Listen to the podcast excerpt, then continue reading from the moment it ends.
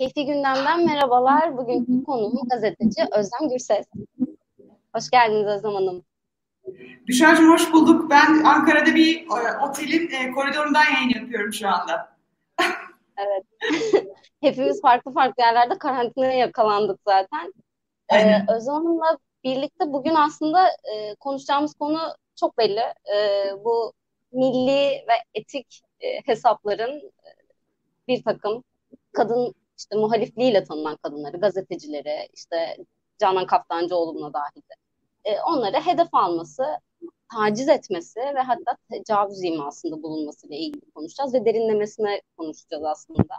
E, Özlem Gürses geçen günlerde Nevşin Mengü ile bu şekilde Halk TV'de bir yayın gerçekleştirmişti ve ben o yayından sonra yorumlara kadar her şeyi okudum.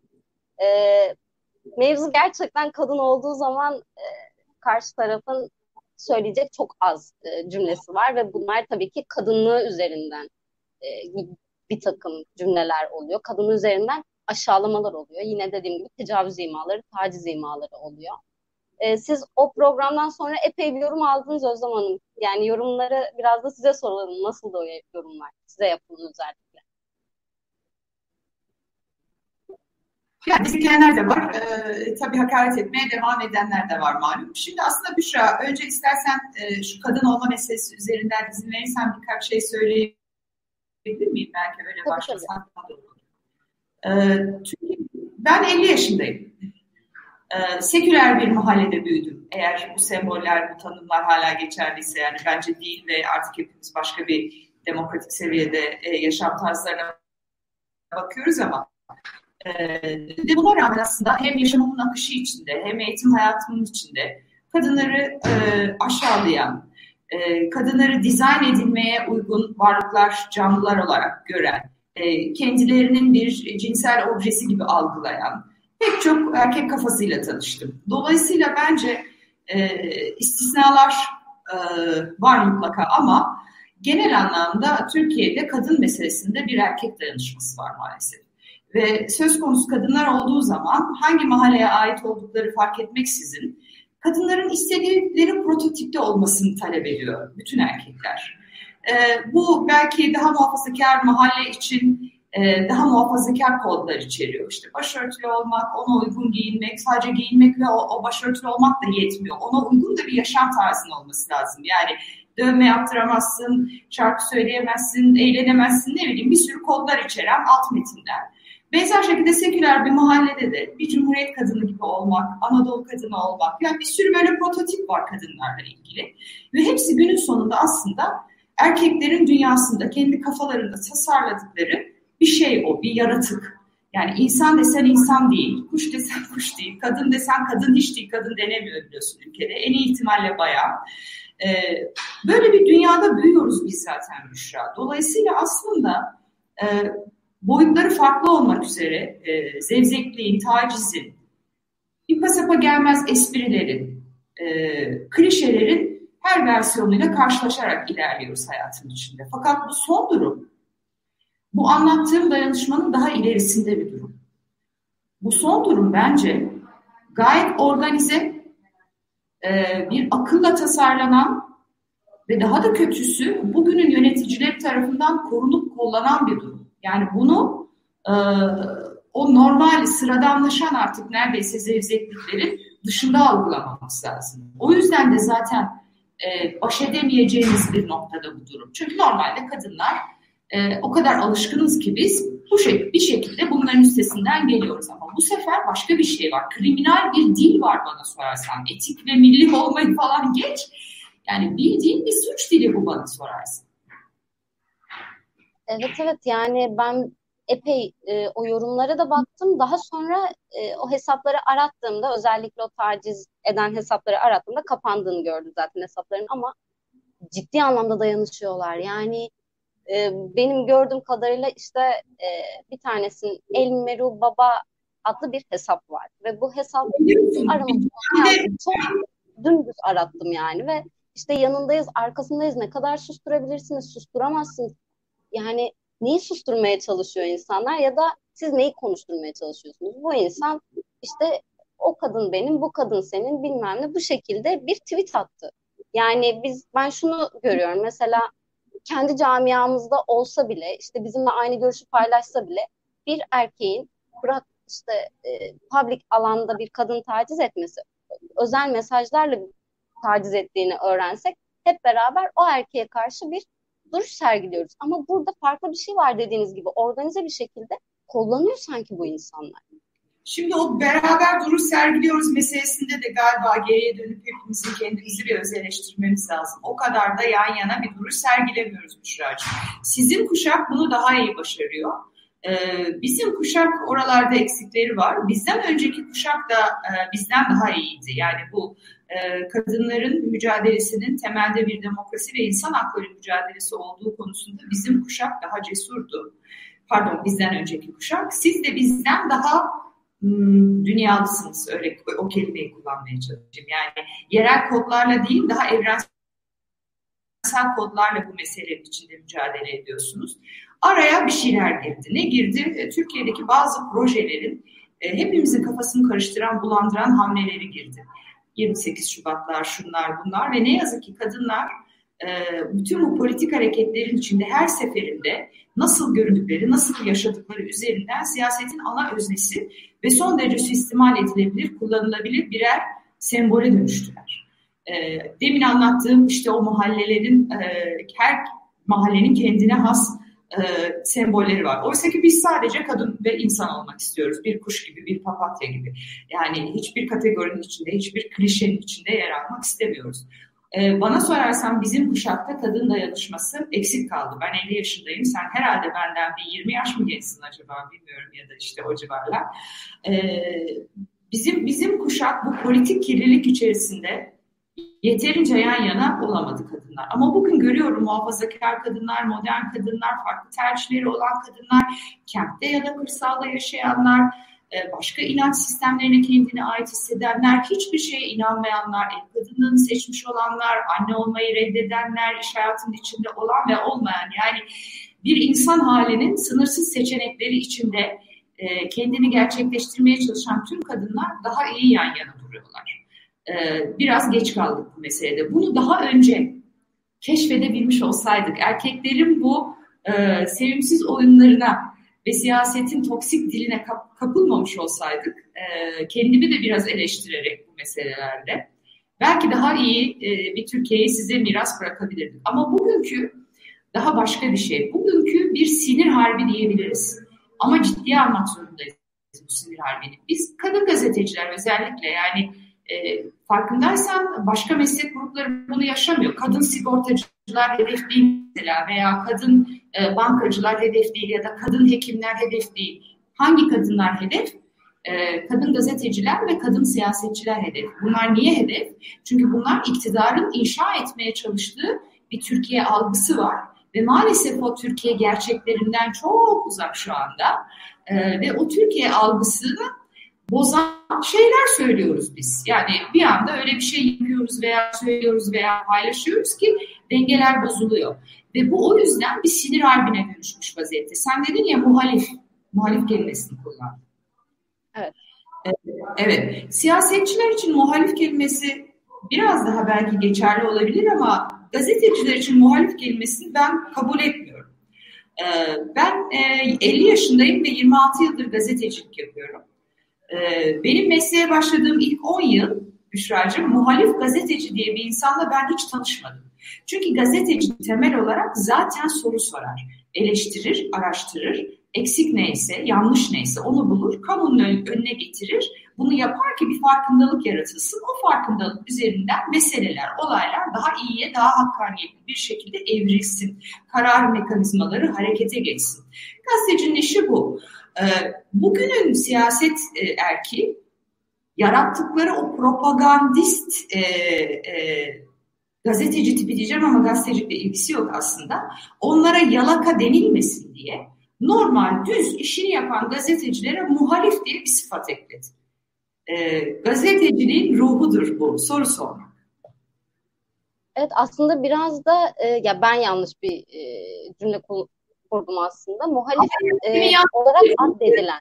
Operasyonu. Ben onlara e, e, şey vermemek evet. için, vermemek için özellikle Evet, evet yani muhalif addedilen yani onay tarafından. Aslında dediğiniz gibi yani e, bir grup gazeteci e, var hani o tarafta olan işte onların diliyle konuşan her sabah ben bugün nasıl överim bugün nasıl güzel bir haber yaparım onlarla ilgili işte iktidarla ilgili ya da nasıl bana bir şekilde dokunmazlar şeklinde uyanan gazeteciler var. Dolayısıyla aslında işini dümdüz yapan, haber yapan, soru soran gazeteciler de bir şekilde e, sanki bizler, sizler, e, siz tabii daha deneyimli olduğunuz için muhalif tarafta yer almış gibi görünüyor. Bu durumda da aslında erkeklerden, muhalif olarak addeden erkeklerden daha ilginç bir e, pozisyonda, daha tehlikeli bir pozisyonda duruyorsunuz. Çünkü bir defa kadın olmak üzerinden vuruluyor. Yani meslek işte ya beğen, beğenilmeyen bir haber, beğenilmeyen bir soru. Bu size eleştiri olarak değil de sadece ya da direkt kadınlık üzerinden bir e, aşağılamayla, hakaretle geri dönüyor. Yani bu meslekte çok fazla. Ben sadece 3 yıldır bu meslekteyim. Ben bile yer yer karşılaşıyorum bununla. Sizin ne kadar karşılaştığınızı tahmin, tahmin bile edemiyorum.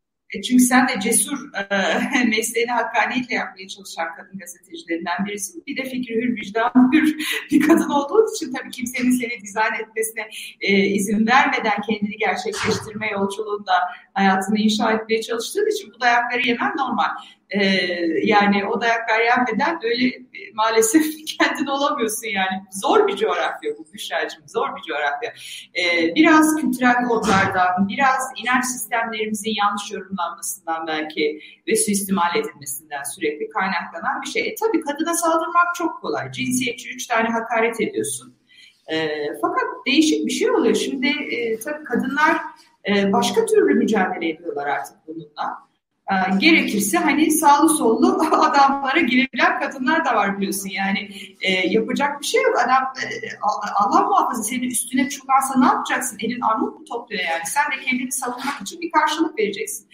E, erkeklere de yapıyorlar. Bakma kavanoza mermi dolduruyorlar biliyorsun. O fotoğrafları hatırla.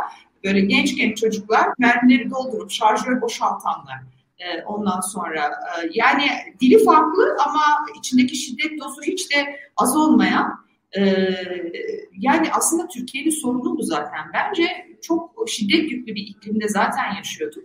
Yıllar içindeki siyasetin bu kirli dili, düşmanlaştırıcı, kutuplaştırıcı dili ve kendine böyle terör örgütleri kurarak e, yarattığı yeni e, tuhaf yapılanma bizi bu noktalara kadar getirdi. Nevşin dedi ki başıma bir şey gelirse sorumlusu Türkiye Cumhuriyeti'dir, e, bu devlettir dedi.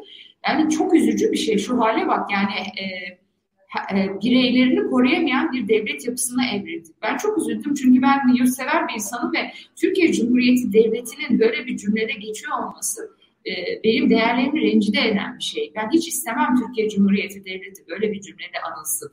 Ama iktidar devletle kendini birledi. Bir parti devleti kurdu. Yani eskiden devlet diye bir şey, devlet aklı diye bir şey, devlet edebi usulü diye bir şey vardı Türkiye Cumhuriyeti'nde. Demokrasimiz tartışmalıdır, eksiktir, e, yaralıdır. Oralarda mutabıkız. Ama her şeye rağmen bir, bir yapı vardı. Kırmızı çizgiler vardı. Öyle bir şey kalmadı. Herkes birbirinin anasına, kızına ortalık yerde ağza alınmayacak hakaret, tehdit, Büşra bir de DM'leri görsen sen sadece timeline'da akanları görüyorsun. Biz sadece onları paylaşıyoruz. Ee, yani e, mesela Twitter'da tabii takip etmeyince DM gelmiyor ama Instagram'da falan ne fotoğraflar neler aklın durur yani. Ee, ve e, bu, bu durumu ciddiye almak lazım. Çünkü bu hasta bir toplum. Yani bu açılardan hakikaten ya, ya böyleydik ya da hastalandık bilmiyorum. O kadar mutsuz ki insanlar bu ülkede. Kadınlar tek tek, erkekler, çocuklar, gençler kendilerini o kadar umutsuz, çaresiz hissediyorlar ki zaten bir şiddet ikliminde büyüyerek gelmişler. Çok az insanın Türkiye'de mutlu bir çocukluk hikayesi var. Ya baba travması var, ya anne travması var.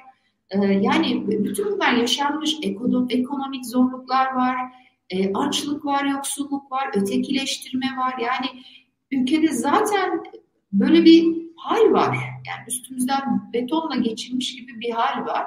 Bunu sen tetikledikçe radikal örgütler nasıl e, şey buluyor zannediyorsun? O gün Nevşin dedi ki işit kafası bu. İşit kafası da işit niye var? İşit diye bir şey nasıl olabiliyor? Allah Almanya'sından, Hollanda'sından, Amerika Birleşik Devletleri'nden insanlar onca yolu gidip işe niye katılırlar? O nasıl bir psikolojidir? Ya da Fethullah gibi ne bileyim ne yediği belirsiz bir yapının içinde adamın sümüklü mendilini yemeye gidecek kadar o nasıl bir kafa yapısıdır, nasıl bir ruh halidir, ne arıyoruz biz? Yani ben e, kendim korkuyorum ama bir yandan da üzülüyorum açık söyleyeyim bu ülke için.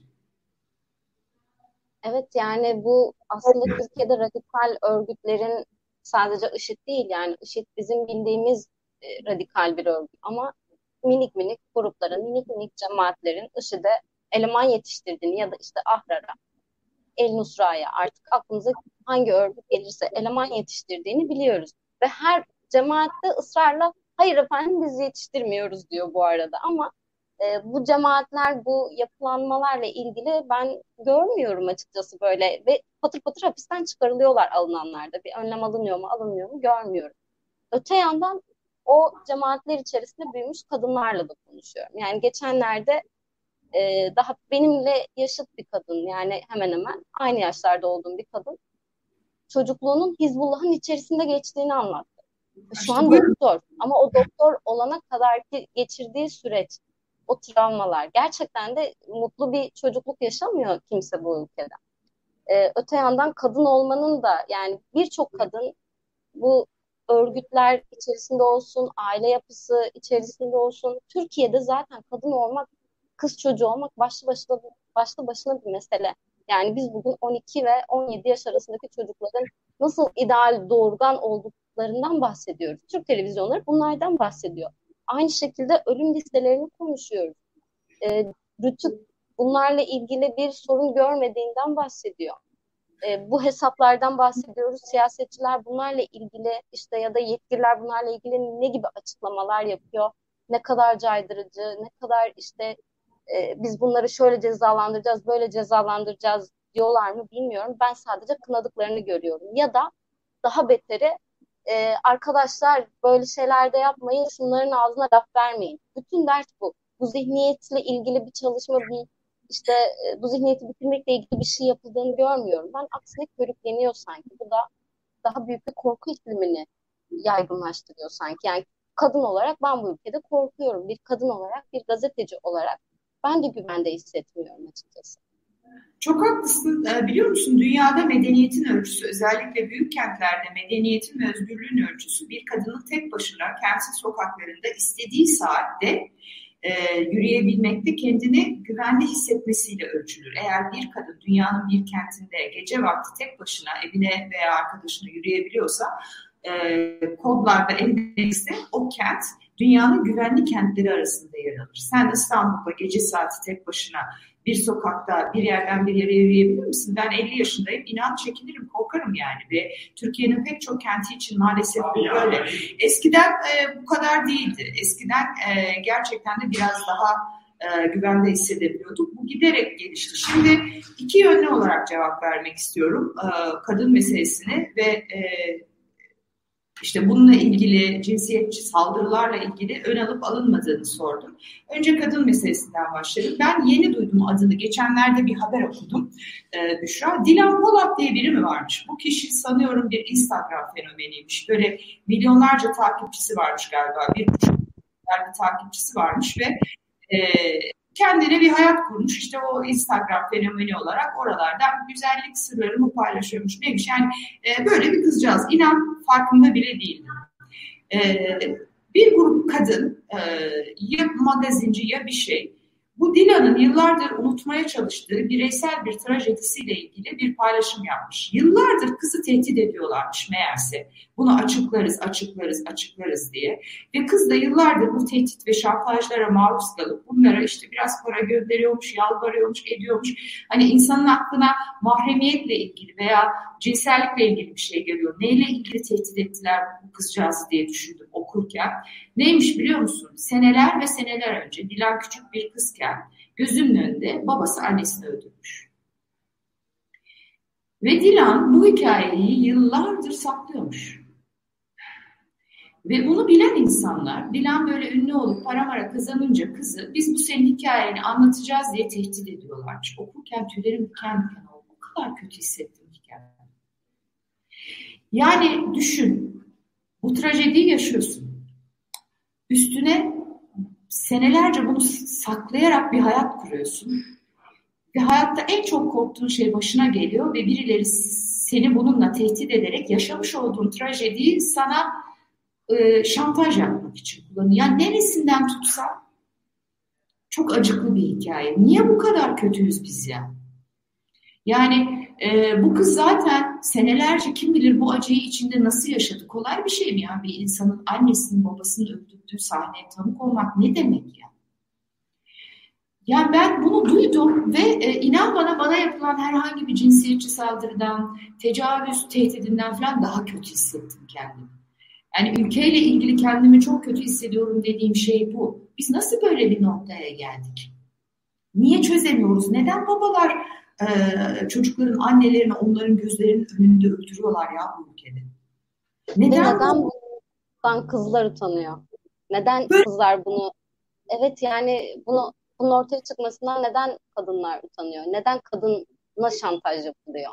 Yani belli ki Kızcağızı yani, tekrar tekrar o travmayı yaşatmanın peşindeyiz. O kadar kötü hissettim ki kendimi. O kadar kötü hissettim ki kendimi ve sorumlu da hissettim. Biz demek ki bir arpa boyu yol alamamışız ya bu ülkede.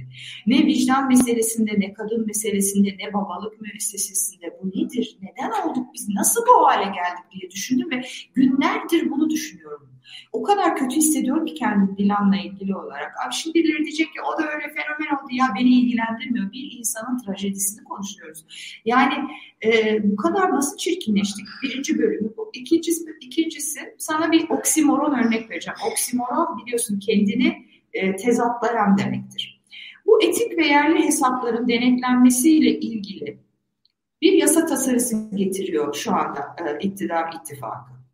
E, işte etik kurul diye bir sosyal medya hesabı e, şey yaptılar, e, kurdular Twitter üzerinde. Baktın mı paylaşımlarına bilmiyorum. Lütfen yayından sonra bak neler paylaşmışlar. E, aklım almadı.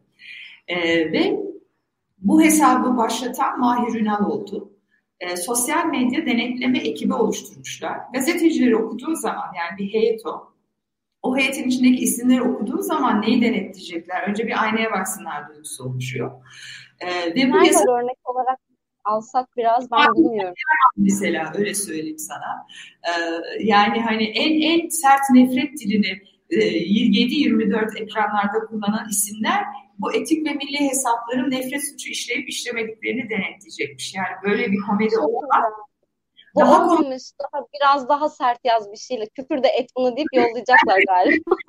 Rasim Ozan'ı falan alsınlar oraya. Hani böyle e, bu hani korkunç şeyler söylemişti ya hatırlıyorsun Beyaz TV ekranında. Evet. Mesela onu alsınlar çok güzel olur etik kurula çok uygun olur Yeşil Top Türk Bayrağı. Yani öyle bir heyet e, o heyet. Daha komiğini anlatacağım ama şimdi sana. Bu yasa tasarısını şey Murat Yetkin'in Yetkin reportunda okudum. Meclis açılır açılmaz ilk olarak bu yasa tasarısını meclisin gündemine getireceklermiş. Yasa, yasa tasarısını öneren, sosyal medyaya denetleme getirilmesi tasarısını öneren kişi Sayın Devlet Bahçeli. Sayın Devlet Bahçeli bu ülkenin en kriminal insanlarından biri olan Çakıcı'nın tahliyesini de sağlayan kişi. Çakıcı biliyorsun oğlunun gözü önünde annesini öldürmüş bir adamdan bahsediyoruz. Evet, evet Kim birçok cinayete de karışmış bir yani bir mafya liderinden bahsediyoruz. Yani yani bu tek tek suçlarını saymakla bitirebileceğimiz bir şey değil yani. Şimdi Ve soruyoruz. Kimi denetleyecek? Kime güveneceksin? Ee, hangi yasatı yani bu e, şimdi ben de şöyle düşündüm. Şunu bile düşündüm. Nasıl bir komplo kafasına geldiysem artık yani acaba ben de bir delirium mu yaşıyorum? E, e, hastalandım diye mi düşündüm? Şöyle bile düşündüm. Bu fake hesaplar, bot hesaplar üzerinden özellikle kamuoyunun gözünün önündeki kadın gazetecilere bu aşağılık saldırıları yaptılar ki biz çıldıralım infial edelim. Diyelim ki artık ne yapıyorsunuz siz kardeşim diyelim. Timeline'ı bunlarla dolduralım. Öyle de yaptık zaten.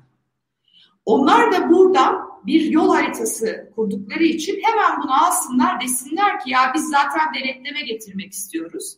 Ve bu denetleme yasasını çıkartarak TC kimlik numarasıyla insanların sosyal medyaya girmesini sağlayarak tek tek insanları fişlemeye başlasınlar. İnan Bunu bile düşündüm. Bizim bu infialimizi kullandılar mı? Bu yani önceden tasarlanmış bir operasyon mu bu diye bile düşündüm. Belki diyebilirsin ki delirdin herhalde. Ama bu bile aklıma geldi.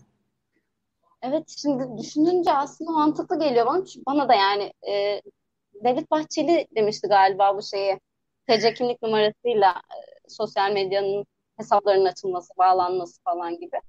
Aynen. Hakikaten yani bu denetleme kurulu gene bu yeşil toplu hesapları denetlemeyecek ki. Yine bizi denetlemiş olacak. Yine bizi belki e, korkutacak. Zaten insanlar tweet atmaya korkuyorlar. Siz korkmuyor musunuz? Ben korkuyorum kendi adıma. Ya bunu yazayım aman yazmayayım boş ver. Yani şuna da bulaşmayayım buna da bulaşmayayıma dönüyor bir süre sonra bu iş. Ama o, kadar, o bilmiyorum ama e, bu etik kurul diye oluşturdukları o yeşil topla hesapları takip eden veya da Twitter'daki bütün hesapları daha doğrusu onlara gelen şikayetleri takip eden hesabın paylaşımlarını lütfen bu yayından sonra bak.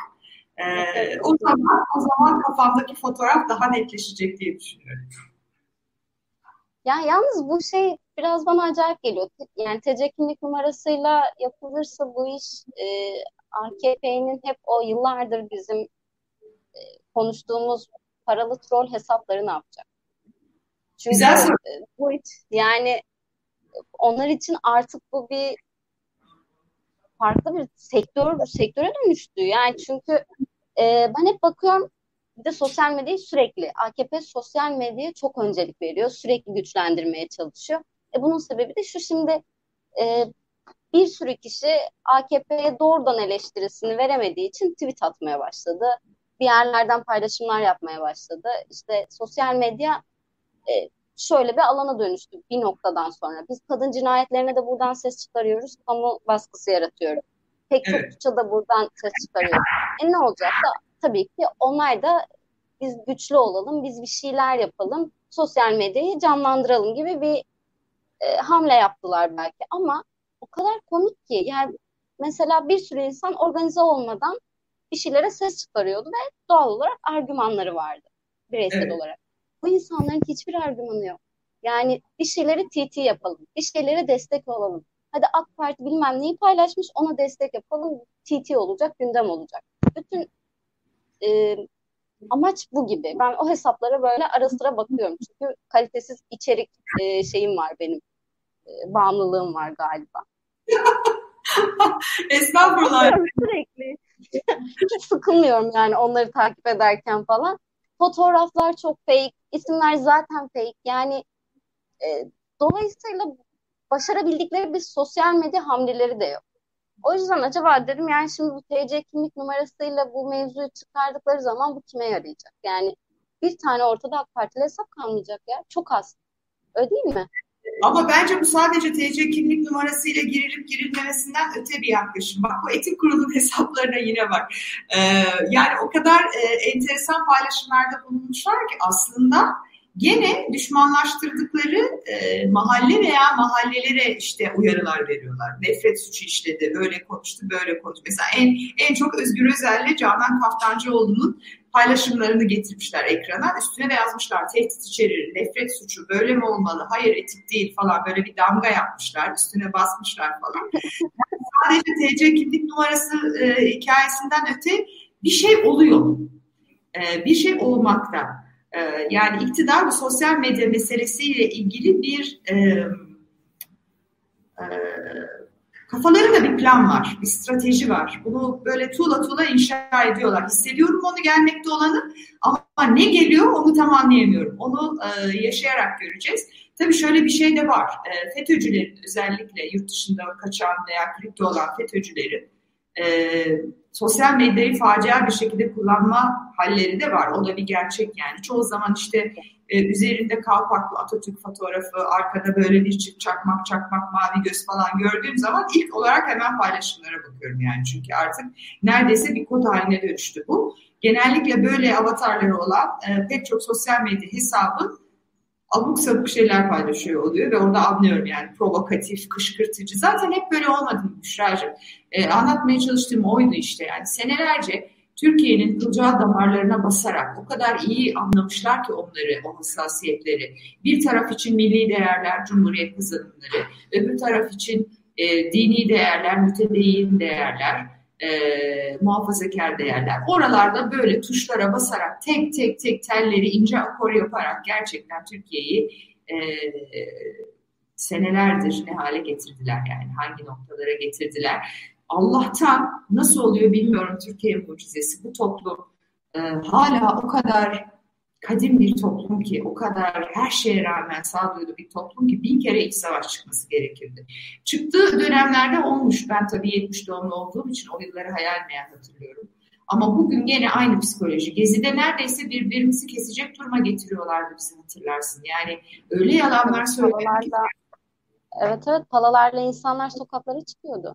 E çünkü yani ama gezi, gezi sonrası dönem. Çok acayipti. Yani ben üniversitedeydim Selçuk Üniversitesi'nde bir anda politize oldu herkes e, ve ben okula satırlarla gelen insanları hatırlıyorum ve okula biz alınmıyorduk çok ilginç. Yani satırlarla insanlar girebiliyordu biz giremiyorduk yani. Hale bak yani nasıl olabilir böyle bir şey ama öyle bir provokasyon, öyle bir kışkırtıcı dil vardı ki siyasette de yani işte türbanlı bacımızı saldırdılardan tut camide içki içtiler, ayakkabıyla girdilere kadar. Yani akıl almaz bir şey. Türkiye'yi ipin ucundan aldık ve farkında mısın, hissediyor musun bilmiyorum. O psikolojiye geri dönüldü. Yani e, Sayın Cumhurbaşkanı'nın bundan birkaç hafta önce yaptığı ulusal sesleniş konuşmasını ben dinlediğimde hani bu videolar falan paylaştı. Aklım durdu benim. Yani ekrana baka kaldım ben. Yayınım vardı o gün. E, yayına zor çıktım yani. O kadar büyük bir şok yaşadım ki. Çünkü o psikolojiyi gördüm tekrar. Ve çok korktum, çok endişe ettim. İnan bana bu hesapların biz kadın gazetecilere olan yaklaşımından daha fazla ben hep Türkiye için korkuyorum. Hep e, bu ülke için daha fazla endişe ediyorum. Çünkü nedir yani en fazla? Bir de biliyor musun ben höt deyince kaçacaklarmış gibi geliyor bu tipler. Böyle bunlar zayıf karakterli insanlarmış gibi geliyor bana. Bilmiyorum ama yani e, hayal görüyorum. Bu kadar benim de kimse karşıma çıkmadı bu şekilde. Sosyal medyadan evet diyem atanlar olur, e, bu şekilde hedef gösterenler olur. Ha bu çıkmayacağı anlamına gelmez. Ne kadar körüklenirse, ne kadar cezasızlık e, böyle yani ceza almayacağını bilirse bu insanlar tabii ki yarın bir gün karşımıza da çıkarlar. Yani Şimdi bunun için önlem almamak da bayağı aymazlık olur. Ama karşıma çıkan olmadı. O yüzden bana da böyle sanki röt desem kaçacak insanlarmış gibi geliyor. Ama Emine yaşadık. Ayşe Paşa, Paşa'yı yaşadık. Evet.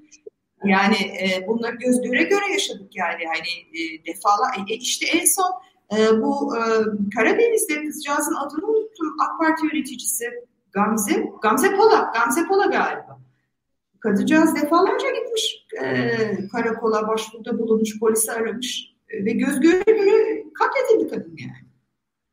Ya şu an bana böyle çok Özlem Hanım size öyle geliyor mu bilmiyorum. Sanki e, ne yapacaklarını bilemedikleri için yaralı hayvan gibi saldırıyorlar. Yani bu da şunun gibi. Zaten son yıllarda özellikle son iki yıldır bir feminizm düşmanlığı var. Benim e, gözlemlediğim. Yani o geçen yıl değil önceki yıl e, işte polis saldırısı oldu Taksim Meydanı'nda kadınlara. 25 Kasım aynı şekilde.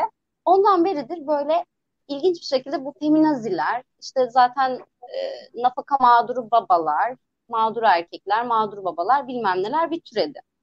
Feminazi diye bir şey çıkardılar falan. Bir e, feminizm düşmanlığı var. Artı halen bu kadınların, yani bizlerin, sizlerin işte tecavüz imasıyla, şiddet imasıyla aşağılanacağını düşünüyorlar. Ve nereden saldıracaklarını gerçekten bilemiyorlar. Net bir kadın düşmanlığı bu. Ee, Berrin Sönmez daha önce konuştuğumuzda şöyle bir şey söylemişti bana. 28 Şubat'ta e, erkekler şunu diyordu. Ya biz bu kadınlar okusun diye uğraşıyoruz ama yarın bir gün çalışacağız da der bunlar.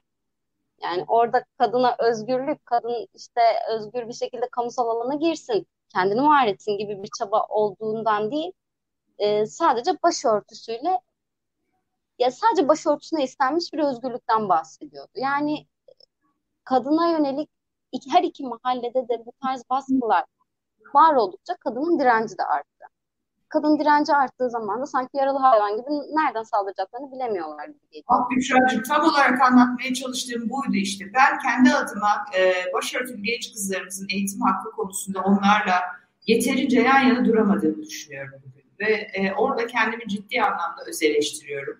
E, ve ben hep olaya şöyle baktım. Bu bir özgürlük talebi değil. Bu erkeklerin kadınlar üzerinden oynadığı siyasi bir oyun. Bu işin içinde FETÖ var, başka odaklar var, başka derin yapılar var. Hep buna bir proje gibi baktım ve yani bugün geldiğim noktada aslında bunun gerçekten de bir proje olarak kullanıldığını, kadınların bu talebinin ya da bu ihtiyacının bir proje olarak kullanıldığını görüyorum. Çok da haksız değilmişim ama buna böyle bakarken üç tane genç kızımızın, üç tane e, kadının eğitim hakkıyla ilgili yeterli sesim çıkmadıysa o da benim ayıbımdır. Yani e, orada da ben eksiğimdir diye düşünüyorum. Ama ne oldu? Erkeklerin bu oyununu zamanla muhafazakar kadınlar önce anlamaya başladı. Zaten modern kadınlar meseleye biraz daha farklı bakıyorlardı. Daha değişik bakıyorlardı. Tabii o çirkin saldırılar vesaire o meczupluklar onları onlar onları kastetmiyorum. Onlar e, her her görüşün içinde sonuçta o marjinal tipler var ve onlar o genel e, kitleyi bence temsil etmiyorlar. Onlar çatlak sesler. Sadece çok bağırıyorlar diye gündeme geliyorlar. E, ama aslında e, o kitleyi temsil etmiyorlar. Öyle düşünüyorum ben. Ee, önce muhafazakar kadınlar bu meseleyi anlayamadılar ama şimdi galiba daha iyi anlıyoruz birbirimizi. Mesela bu arada kedi geldi. Ay çok tatlı. Ben korkuyordum. çok tatlı. Ee, muhafazakar kadınlar önce şöyle e, fark ettiler. Fark ettiler ki muhafazakar erkekler modern kadınlarla evleniyorlar. Şimdi önce böyle bir ben hatırlıyorum o zaman ne kadar bozuluyordu muhafazakar kadınlar. Benim çünkü başörtülü arkadaşlarım vardı ve e, o camiadaki erkekler gidip hep başı açık modern kadınlar aldıklarında, evlendiklerinde onlarla çok bozuluyorlar. Diyorlardı ki ya bir dakika burada bir şey mi var acaba? Derken muhafazakar kadınlar e, ekonomik bağımsızlıklarını kazanıp çünkü eğitildiler, eğitim haklarını elde ettiler, eğitildiler ve işlere girmeye başladığında oyun daha da e, şey oldu, e, çirkinleşti ve o zaman bazı şeyleri daha iyi anladık. Yani e, kadın mücadelesinde ortak kümelerimiz arttıkça, mücadele alanlarımız genişledikçe, birbirimize dokunma alanlarımız arttıkça birbirimizi daha iyi anlar hale geldik. Beril Sönmez büyük bir zevkle ve hayranlıkla takip ettiğim gazete duvarda yazılarını bir kadın yazar feminist, e, Müslüman, bayılıyorum e, kendisine. Ama Saadet Partisi içinde maalesef onun gibi düşünen çok az kadın olduğunu söylemeliyim. Yani değil erkek. E, ve kendisi zaten sürekli olarak onu eleştirerek bir yere e, varmaya çalışıyor. Böyle böyle dönüşeceğiz. Önce herkes bir geri adım attı. Şimdi herkes kendine, birbirine doğru bir adım atarak yeni bir dünya kuruyoruz. E, erkekler bu işe bozuluyorlar tabii Büşra'cığım. Çünkü bunca yıl inşa ettikleri o saraylar, e, o imparatorluklar birdenbire meğerse kağıttanmış. Yani e, bu kadınlar da onlar kadar akıllı, onlardan daha çalışkan, onlardan daha sağduyu hatta ve inatçı filan varlıklarmış. E, onların becerdikleri her şeyi becerebiliyorlarmış. Kendi kendilerine özgür, bağımsız bir hayat kurabiliyorlarmış. Bunları kabul etmek o kadar kolay değil. E, çünkü bugüne kadar iki eşit e, ilişkisi kurmadıysam bir kadınla, ee, yani iki eşit yetişkin olarak bir iletişim kurmadıysan ona hep bir sen onun sahibiymiş gibi davrandıysan bugünden sonra yalnızsın. Hiç, yani Nevşin demiş ya bu adamlar ancak tecavüz ederek bir kadınla birlikte olabilirler demiş. Yani aynen de öyle. Türkçesi bu yani. Çünkü ne konuşarak, ne bir şey paylaşarak, ne şefkat var arada, ne sevgi var, ne bir entelektüellik var, ne bir sohbet var, ne bir dostluk var, ne bir hayatın rengi var. Hiçbir şey yok. Ee, bir kadın niye böyle bir adama gitsin gerçekten? Tabii yani o dönemde kadınları sandılar ki biz şimdi bu kadınları şuursuzca sokaklara dökeriz, yanlarında da duruyormuş gibi davranırız. Mevzular bittikten sonra, istediğimizi aldıktan sonra tekrar eve sokarız. Bu iş öyle olmuyor. Bir kere gerçekten bir kere meydanları, sokakları direnmeyi tatmış bir insanı sen eve sokamazsın. E, kadınlar da girmediler dolayısıyla. O bahsettiğim 8 Mart'taki polis saldırısında barikatın önü e, komple başörtülü kadınlardı. Yani çok büyük miktarda. Yani ve bu kadınların birçoğu e, mor dayanışmayla gelenlerden birkaçını biliyorum. İlk defa 8 Mart'a gelmişlerdi. Ve gitmiyorlardı. Yani polis ittikçe onlar da itiyorlardı. Ya biz e, birbirimizi sanki gerçekten daha çok anlıyoruz. Kadın kadının yurdudur diyoruz. Ne Ve, kadar? E, şöyle bir durumla karşılaştılar yani kadınlar tabii ki biraz önce bahsettiğiniz gibi başörtülü değil başörtüsüz kadınlarla evleniyordu erkekler ama zaman değiştikçe bu sefer e, o başörtüsüz kadınlar ikinci eş olmaya başladı. Yani bununla ilgili bir röportaj yapmıştım ben hatırlıyorum. Ee, özellikle İslamcı kadın, İslamcı erkek konusundaki en büyük hayal kırıklığını kadın erkek ilişkilerinde yaşadı. Yani dolayısıyla artık İslamcı erkek ona hiçbir şekilde e, samimi gelmiyor. Öte yandan çok fazla sosyal medyada görüyoruz. Siz de görüyorsunuzdur başörtülü olup dans eden, şarkı söyleyen, pilates yapan, işte hem pilates yapıp hem hafızlık çalıştığını falan videolayan kadınlara ne hakaretler ediliyor. Ya yani ben dolayısıyla burada kadın özgürlüğü istenmemiş ki zaten başörtüsün özgürlük istenmiş. Aldınız onu da yani. Ya sen bunu herhalde dramatik bir şekilde yaşayan genç kadınlardan birisin. Ne büyük bir hayal kırıklığıdır kim bilir diye düşünüyorum ve çok üzücü bir şey aslında o yanıyla bakarsan. Ben bu meseleyi ne zaman anladım biliyor musun? Rümeysa Çamdereli diye bir genç kadınla tanıştım bir gün. Ee, onun TED konuşmasını dinledim bir gün bir salonda. Ve çok etkilendim Rümeysa'dan. Sonra bana baştan anlat diye bir program yapıyordum. Rümeysa'yı o programa davet ettim ve sağ olsun kalktı geldi yani. Böyle düşün ben hani o zaman sözcüde yazıyorum e, filan hani demedi ki bu kadın da kim bilir nasıl bir rigid kafadır demedi yani. Hani hiç öyle bir ön yargı e, göstermeden. E, çünkü öyle algılar var biliyorsun yani mahalleler arasında maalesef. E, ve kalktı geldi. Ve e, çok çok muhteşem bir yayın yaptık ben kendi adıma. O yayını paylaştığım zaman ne oldu biliyor musun? Ee, beni takip eden e, mahallemdeki kadınlar, en çok kadınlar bak erkekler değil, Rümeysa'ya hakaret ettiler. Onun da kendi mahallesindeki Müslüman kadınlar ona hakaret ettiler. İkisinin de ortak noktası neydi biliyor musun? Başörtülü bir kadın elektro gitar çalıp 8 Mart feminist yürüyüşüne nasıl katılırmış kardeşim? Saçmalığa bak. Artı o e, feminist yürüyüşteki dövizi de aile aileyle ilgili bir dövizi vardı. Onun için Rümeysa çok e, linç edilmişti diye hatırlıyorum ben. Yani bunu görünce e, anlıyorsun ki kadın meselesi çok politik bir mesele ve evet. siyaset, erkek siyasetçiler kadınlardan çok korkuyorlar an. Ben bunu gördüm. Gerçekten korkuyorlar. Samimiyetle korkuyorlar. Çünkü bugüne kadar hiç alışmadıkları bir gerçekle karşılaştılar. Onun karşısında ne yapacaklarını bilemiyorlar. Çiçek veriyorlar olmuyor. Bayan diyorlar olmuyor. Hanımefendi diyorlar olmuyor. Kadın deseler alışkın değiller. Öyle yapsalar olmuyor. Böyle yapsalar olmuyor. Yani böyle bir civa gibi bir şey olduk biz ellerinde. Sahip olmak istiyorlar, yönetmek istiyorlar, direksiyonda olmak istiyorlar, yapamıyorlar. Ee, bu bir dönem ve e, bu dönem geçecek diye umuyorum. Yani dünya bu meseleyi anlayacak. Daha fazla kadın lideri ihtiyacımız var. Daha fazla kadın dayanışmasına ihtiyacımız var. Senin söylediğin bu kadın kadının yurdudur meselesine çok ihtiyacımız var. Çünkü bugüne kadar bütün oyunlarını bu işte kadınların birbirine olan düşmanlıkları, haseti, kıskançlığı, e, işte hormonal refleksleri diyeyim veya da neyse bütün bunların üzerinden kurmuşlardı. Gayet de güzel gemilerini yürütüyorlardı. Ama Kadınlar Kadın, kadının kurdudur diye ortalıkta dolaşıyordu insanlar. Kadınlar da bunu diyordu. Hayır kadın kadının yurdudur. Yani çok seviyorum gerçekten bu sözü ve ben öyle şeylerle karşılaşıyorum ki bunu söyleyerek e, bir saniye. Sesim gitti. Aynen. Gördüm. Yani bunu böyle bağırarak koşuyorum gerçekten. Yani e, ama biraz daha sanki o kadın dayanışmasını ben mi öyle görüyorum? Çok daha genişlettik sanki. Şu an farkındasınızdır belki.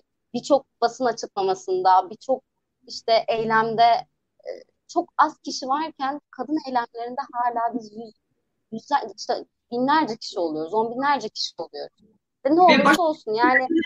Başörtülü kadınlarla başörtülü kadınlar, başka cinsel eylemlerden hep bir aradayız. Hepimiz bir aradayız. Çok değerli bir şey evet. şey bu. Ve ben bir şey daha söyleyeyim. Polis saldırıları o eylemleri daha eğlenceli kılıyor. Yani iki saat duracaksak beş saat duruyor. Kendi adıma en azından yani. ya işte bu çok bana ümit veren bir şey ve gençlerin bu meseleye çok başka bakıyor olduğunu da e, ummak istiyorum. Ee, başörtülü kadınlar senelerce dayak yediler. Ee, istihdamın dışında bırakıldılar. Hakarete uğradılar. Kız çocukları istiyorlar. Belki evlatlarını kaybettiler. O başörtülü kadınlar arasında evlatları katledilmiş olan kadınlar. E, dolayısıyla başka bir e, gerçeklikle e, zaten farkındaydılar belki ama başka türlü bir tanışma, daha dramatik bir tanışma. E, e modern kadınlarda bu erkek e, dayanışması belki de farkına vardılar daha fazla. Yani ne yapılmak istendiğini. Ben e, buradan bir çıkış bulacağımızı umuyorum. Ama diğer meseleye tekrar dönecek olursak, sosyal medya üzerindeki senin ilk konuyu açtığın bu kriminal dile, e, burada ben e, İçişleri Bakanlığı'nı e, göreve çağırıyorum. Yani bu Fatih Tezcan denen meczup bu e, tweetleri Muğla yarı açık cezaevinden hükümlü olarak atıyor biliyorsun değil mi? Bu da ortaya çıktı. Yani kendisi evinde değil şu anda. Muğla yarı açık cezaevinde hükümlü şu anda. Bir suçtan hüküm giymiş. Ve o nasıl bir ayrıcalıktır ki? E, her türlü videosunu da çekiyor. E, troll örgütünü de yönetiyor Telegram üzerinden. Bu nasıl mümkün olabilir? E, Alaaddin Çakıcı da basın açıklaması yapardı hatırlarsın tahliyesinden önce. Adamın basın danışmanı vardı. Hatta ben Ayşegül Aslan'a demiştim ki ya bu aralar işsizim. Acaba başvursam mı ben de sizin basın takımınızda iletişim uzmanı olarak ya böyle bir şey olabilir mi ya şaka gibi yani hani bayağı bildiğim böyle bir basın danışmanı vardı. O çocuk böyle gazetecilere e, basın açıklamalarını falan yazıp servis ediyordu. Yani bu nasıl olabiliyor ya? Yani e, böyle bir şey nasıl mümkün olabiliyor? Benim aklım almıyor doğrusu. Yalnız Sahneden şey gazetecileri tehdit ediyordu diye hatırlıyorum mesela. Aynen neler yapıyordu yani neler yapıyordu. E, yalnız bir şey daha söyleyeyim. Bu tipler e, bunlar da bir proje. E, bunların bu e, ruhsal sıkıntıları mı diyeyim artık, hastalıkları, hastalık kafa yapıları mı diyeyim, bunu suistimal ediyorlar. E, bunları kullanmak isteyenler ve onlar da gayet güzel kullanılıyorlar ve bundan ciddi paralar da kazanılıyorlar, kazanıyorlar, iyi paralar da yapıyorlar. Şimdi bu hatırlıyor musun 12 yaşındaki kız çocuklar için süper kadın diye manyakça bir tanımlama yapan profesör olmadı. Canan Güllü, bu Kadın Dernekleri Federasyonu Başkanı Canan Güllü bir araştırma e, yapmış ve bu adamın ismini hatırlamış bu ekrana çıkınca bu manyak e, ve onu paylaştı. Kadın Dernekleri e, hesabından. Nafaka ile ilgili hani bu erkeklerin çıkartmaya çalıştığı nafaka karşıtı bir yasa tasarısı var ya o tasarıyla ilgili bir kişi olarak raporlarda imzası olan adam da bulmuş. Hiç sekmiyor. Hiç sekmiyor bu tipler gerçekten. Yani e, o kadar belli ki zaten Akit TV ya da Akit gazete olarak yani en çok bu nafaka muhabbetini körükleyen, alevlendiren Akit. Benim bildiğim kadarıyla yalan yanlış demeden her şeyi ortaya sürüp acayip şişirilmiş rakamlarla bir sürü kadını, kadınların da kazanılmış haklarını e, itibarsızlaştıran bir gazete, bir televizyon, bir de onu çıkardığı profesör var karşımızda yani. Eğer bu adam, eğer bu adam bak soruları çalarak profesör olmadıysa, e, gene bir takım yalan yanlışlıkların imzaladığı raporlarla doçentlik, profesörlük almadıysa benim yüzüme tükür. Yani e, gerçekten bak eminim buna yani. Bakalım geçmişine. Erhan Erkut diye biliyorsun bir e, eski MEF'in rektörü, eğitimci var profesör. O araştırmış doçentlik tezini falan okumuş, üşenmemiş. Diyor ki değil doçentlik, doktora, asistanlık bile alamaz yazdığı bu tezde. Bir şekilde bir yerlere geldiler. Yıllardır gelmeye devam ediyorlar. Hani farkındaysanız her şey oluyor bütün kimse yani bunlara hiçbir şey olmuyor. Her dönemin insan olarak karşımıza çıkıyorlar. Ve her Maalesef. dönemde bir şekilde bir yerler bulup dinlettiriyorlar kendilerini. Maalesef. Ben e, sana bir son soru sorabilir miyim? Tabii ki. Sen ne yapıyorsun şimdi? Muhteşem dosyalar yapıyordun, inanılmaz yazı dizileri yapıyordun. Şimdi ne yapıyorsun? Ben şimdi ne yapıyorum? E, Medyaskop'tan ayrıldım. Yeah. Ayrılıp tatile geleyim dedim e, ailemin evine. Kaldım burada biraz. E, yani bir kitaba başlamıştım. Zaten çok istiyordum. Bu başörtüsü meselesiyle il, ilgili artık e, bunu da derleyeyim toplayayım bırakayım bu meseleyi diye e, düşündüm. Daha doğrusu yani şu anda taslağını gönderdim ortada bir şey yok. Ben sadece kendi bölümümü yazdım kitapla ilgili. Bir takım röportajlar, sunuşu, sonucu. Öyle bir şey yapmış oldum. Telifli işler yapıyorum. Daktilo da program başladım burada işte. Yani hala devam etmeye çalışıyorum. Ee, uğraşıyorum yani gazeteciliği bırakmaya pek niyetim yok. Yani zaten daha 3 yıl oldu. Yorulmuş falan da değilim. Uğraşıyorum bir yerimden tutmaya çalışıyorum yani. İnşallah yollarımız kesişir Büşra. O kadar çok isterim. Kadar yetenekli ve muhteşem bir gazeteciyle birlikte çalışmak. Ya çok teşekkür ederim. Çok tanıyorum. Yok hiç utanma valla. Al başını üstüne koy. Biz kadınlar bir de şey e, başarıyı içselleştirmeyi de e, orada da zorlanıyoruz herhalde ya. Yani gayet iyi işler yaptın hayatım. O yüzden kendine ne kadar gurur duysan az. Teşekkür ederim. Yani umarım e, yapmaya da devam ederim. Çok çok seviyorum çünkü mesleği. E, yani böylelikle teşekkür edip e, programımızı da sonlandırayım. E, 50 dakika olmuş nasıl geçtiğini hiç anlamadım. Daha konuşamadım. Çok konuşmuş. Yani. İyi ki yani beni kırmadınız, yayınıma katıldınız. Ee, çok teşekkür ediyorum. Yani teşekkür ediyorum. Çok benim için kafa açıcı bir sohbet oldu bu arada. Hiç hep böyle oluyor. Bakmadığım açılardan bakmayı öğreniyorum. Hep de böyle çok deneyimli e, kişilerle yayınlar yapıyorum. Bu arada benim programlarımdan birine bir eleştiri gelmişti. Hep kadınları yayına çıkarttığıma yönelik. Çok ilginç. Medya o kadar erkek erkek ki ben bir şekilde bulup buluşturup kadın çıkarıyorum gibi olmuş ama hiç özel bir çaba sarf etmedim. Sadece bir konuğum, o da ilk konuğum Alpan Telek'te erkek. Onun dışında hep kadınlardan gidiyorum. Bilinçli yaptığım bir şey değil ama e, kadınlar gerçekten sadece kadın meselesiyle ilgili konuşmuyor arkadaşlar. Kadınlar politikada da varlar, kadınlar gazetecilik alanında da varlar, kadınlar her alanda varlar. E, buna böyle yavaş yavaş alışacağız zannediyorum. Ne kadar hızlı iyi. Çok da yavaş olmasın lütfen. evet artık yani bayağı yavaş yavaş geldik. Artık da hızlanabiliriz galiba. Tekrar teşekkür ediyorum. Ben teşekkür ediyorum Büşra'cığım. İyi ki varsın, iyi ki beraber olduk. Çok sevgiler. Ee, kucaklıyorum seni sevgiyle. Ben de öyle. Görüşmek üzere. Görüşmek üzere.